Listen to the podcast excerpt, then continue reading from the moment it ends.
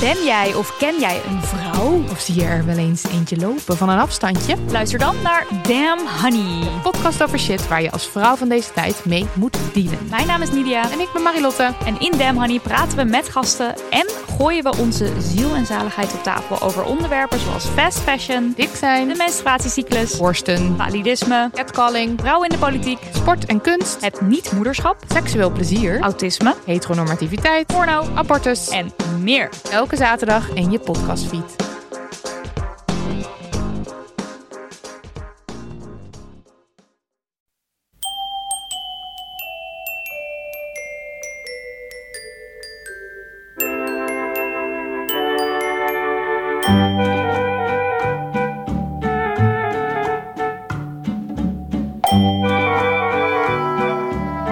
Welkom bij aflevering 308 van Echt Gebeurd, de podcast waarin mensen hun eigen waargebeurde verhalen vertellen. In deze aflevering een verhaal dat Hans-Jaap Melissen in januari 2016 vertelde tijdens een verhalenmiddag met als thema In het heetst van de strijd.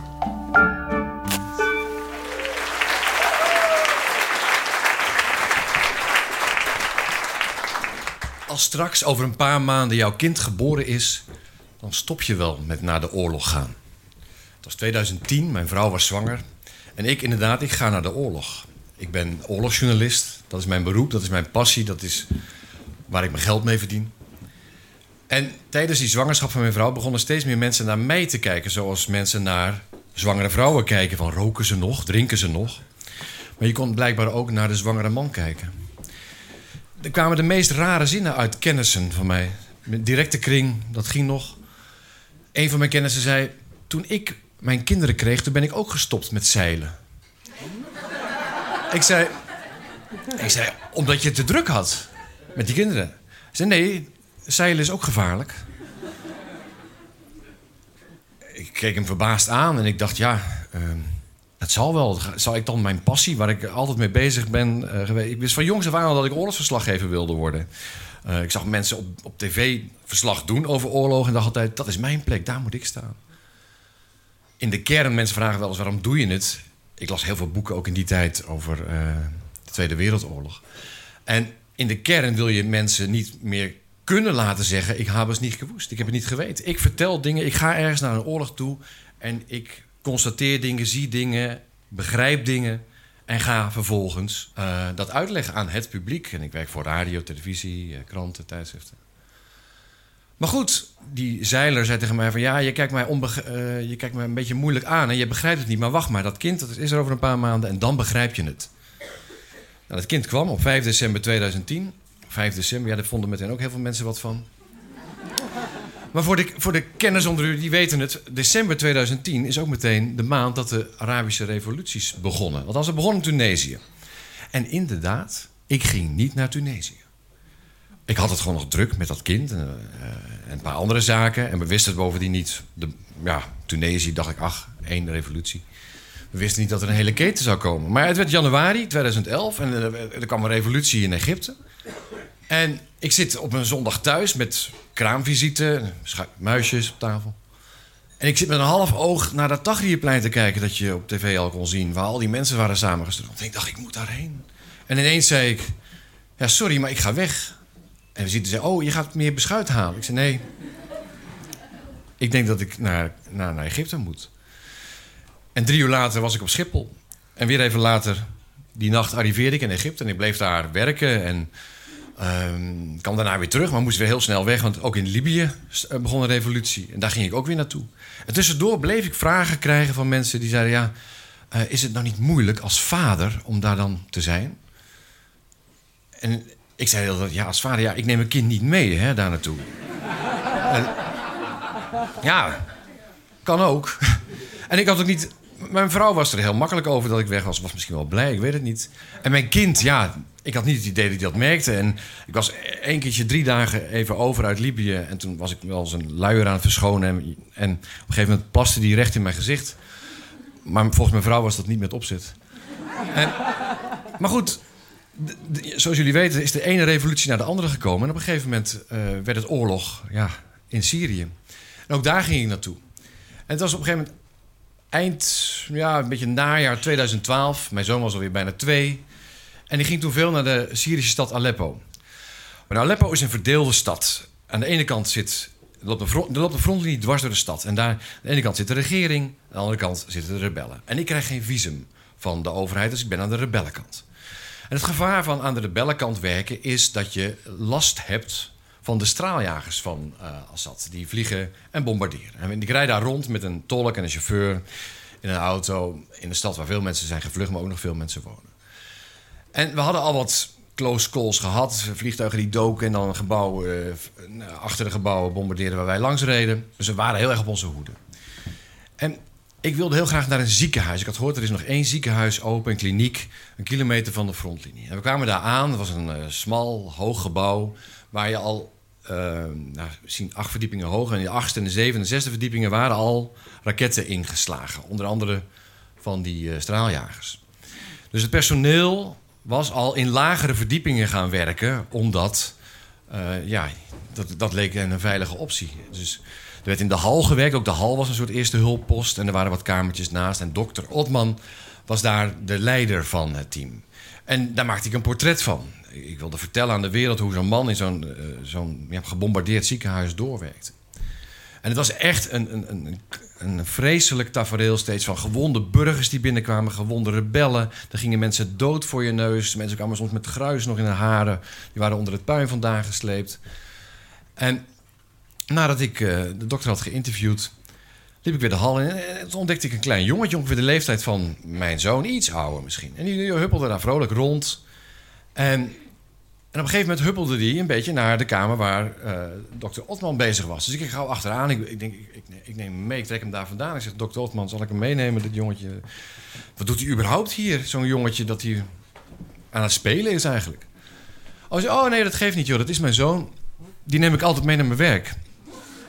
En ik was, ik was gewoon verbouwereerd. Ik denk, uh, maar hij moest weer verder, want er lag iemand met allemaal gaten in zijn lichaam op... Uh, u bent aan het eten, ik zal het beperkt houden, de omschrijving. Maar toen heb ik nog even gespeeld in de hal met dat jongetje. Bleef vrolijk, lekker spelen. Gewoon zoals mijn eigen zoontje dat ook thuis doet. Mijn tolk die hing een beetje bij de, bij de voordeur, ook een beetje naar de lucht te kijken. En die, komt weer terug naar mij en die zegt... Ik hoor de straaljagers weer. Dus ik loop ook naar de deur. En ik hoor die straaljagers weer. En die gaan cirkelen in de buurt van het ziekenhuis weer. En het, tolk en ik, we kijken elkaar aan en zeggen... Ja, wegwezen, wegwezen, we gaan weg. En, en wij springen in de auto. En dat, dat, is de luxe die je hebt als, als journalist. Je kunt gewoon weggaan. En, en we reden weg. En die dag is het ziekenhuis niet gebombardeerd. Een paar weken later, ik ben naar een andere oorlog eventjes, ter ontspanning tussendoor, even naar de Gazastrook. Je moet niet eenkennig worden in de oorlog. Ik kan het nog spectaculairder maar Ik was die ochtend gewekt door een F-16-bom naast het hotel. Met een scheur in mijn raam en een plafondplaat die naast mij neerkwam. Dus ik was al vroeg wakker. Maar ik, ik ging die ochtend uh, zoeken op internet naar nieuws ook over. En ik hield Syrië wel in de gaten.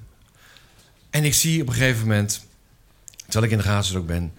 het ziekenhuis is plat gebombardeerd.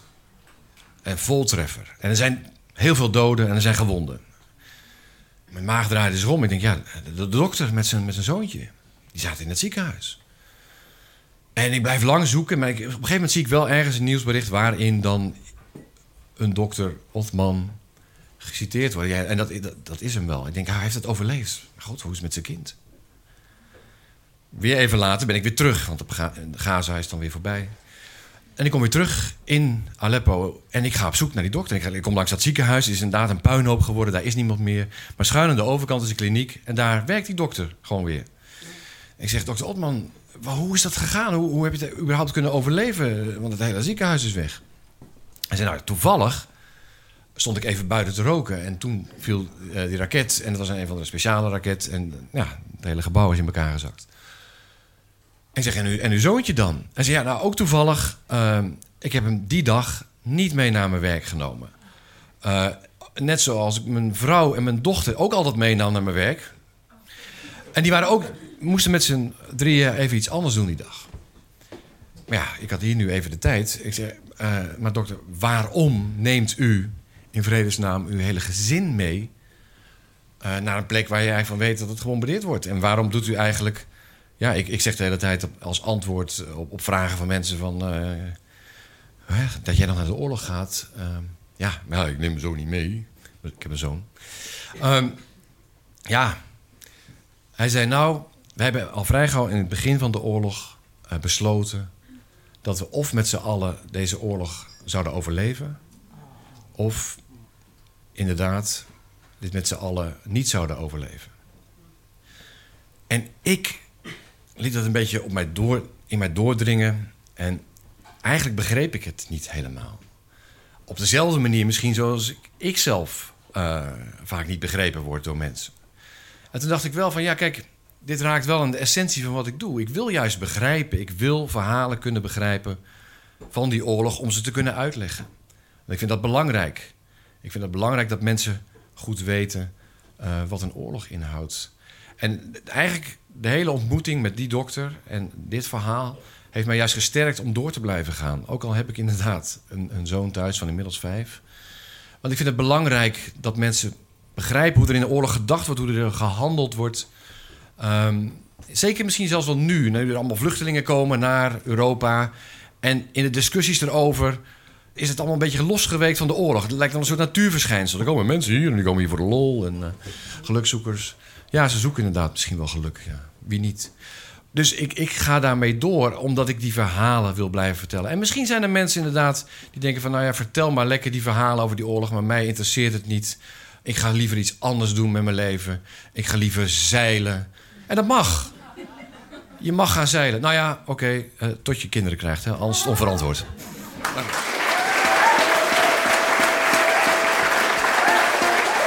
Dat was een verhaal van Hans-Jaap Melissen. Hans-Jaap werkt zelf ook aan een podcastserie die in september door NPO Radio 1 wordt uitgebracht en gaat over het Holocaust Namenmonument in Amsterdam. Verder is Hans-Jaap nog steeds oorlogsverslaggever. Als de coronaperiode voorbij is, kan hij weer veilig naar onveilige landen vliegen. En omdat het einde van de coronaperiode in zicht komt, mogen wij van Echt Gebeurd komende zondag 27 juni weer eindelijk een nieuwe verhalenmiddag organiseren in Comedy Club Toemler. Er mag maar een heel klein aantal bezoekers bij zijn en daarom zijn er geen kaartjes meer verkrijgbaar. Maar hopelijk komt daar na de zomervakantie verandering in. Wij van de redactie gaan in ieder geval hard aan de slag om te zorgen dat we er dan klaar voor zijn. De redactie van Echt Gebeurd, die bestaat uit Paulien Cornelissen, Maarten Westerveen, Roos van Toledo en mijzelf, Micha Wertheim. Productie is in handen van Eva Zwaving. Zaaltechniek voor deze aflevering was Nicolaas Vrijman. De podcast wordt zoals altijd gemaakt door Gijsbert van der Wal. Je vergeet reclame te maken. Je bedoelt voor die drie mooie boekjes met waar gebeurde verhalen? In een box? Oh, nou ja, bij deze dan. Echt gebeurd op papier, nu in de winkel. Dit was aflevering 308. Bedankt voor het luisteren en vergeet niet: echt begrijpen begint met niet begrijpen.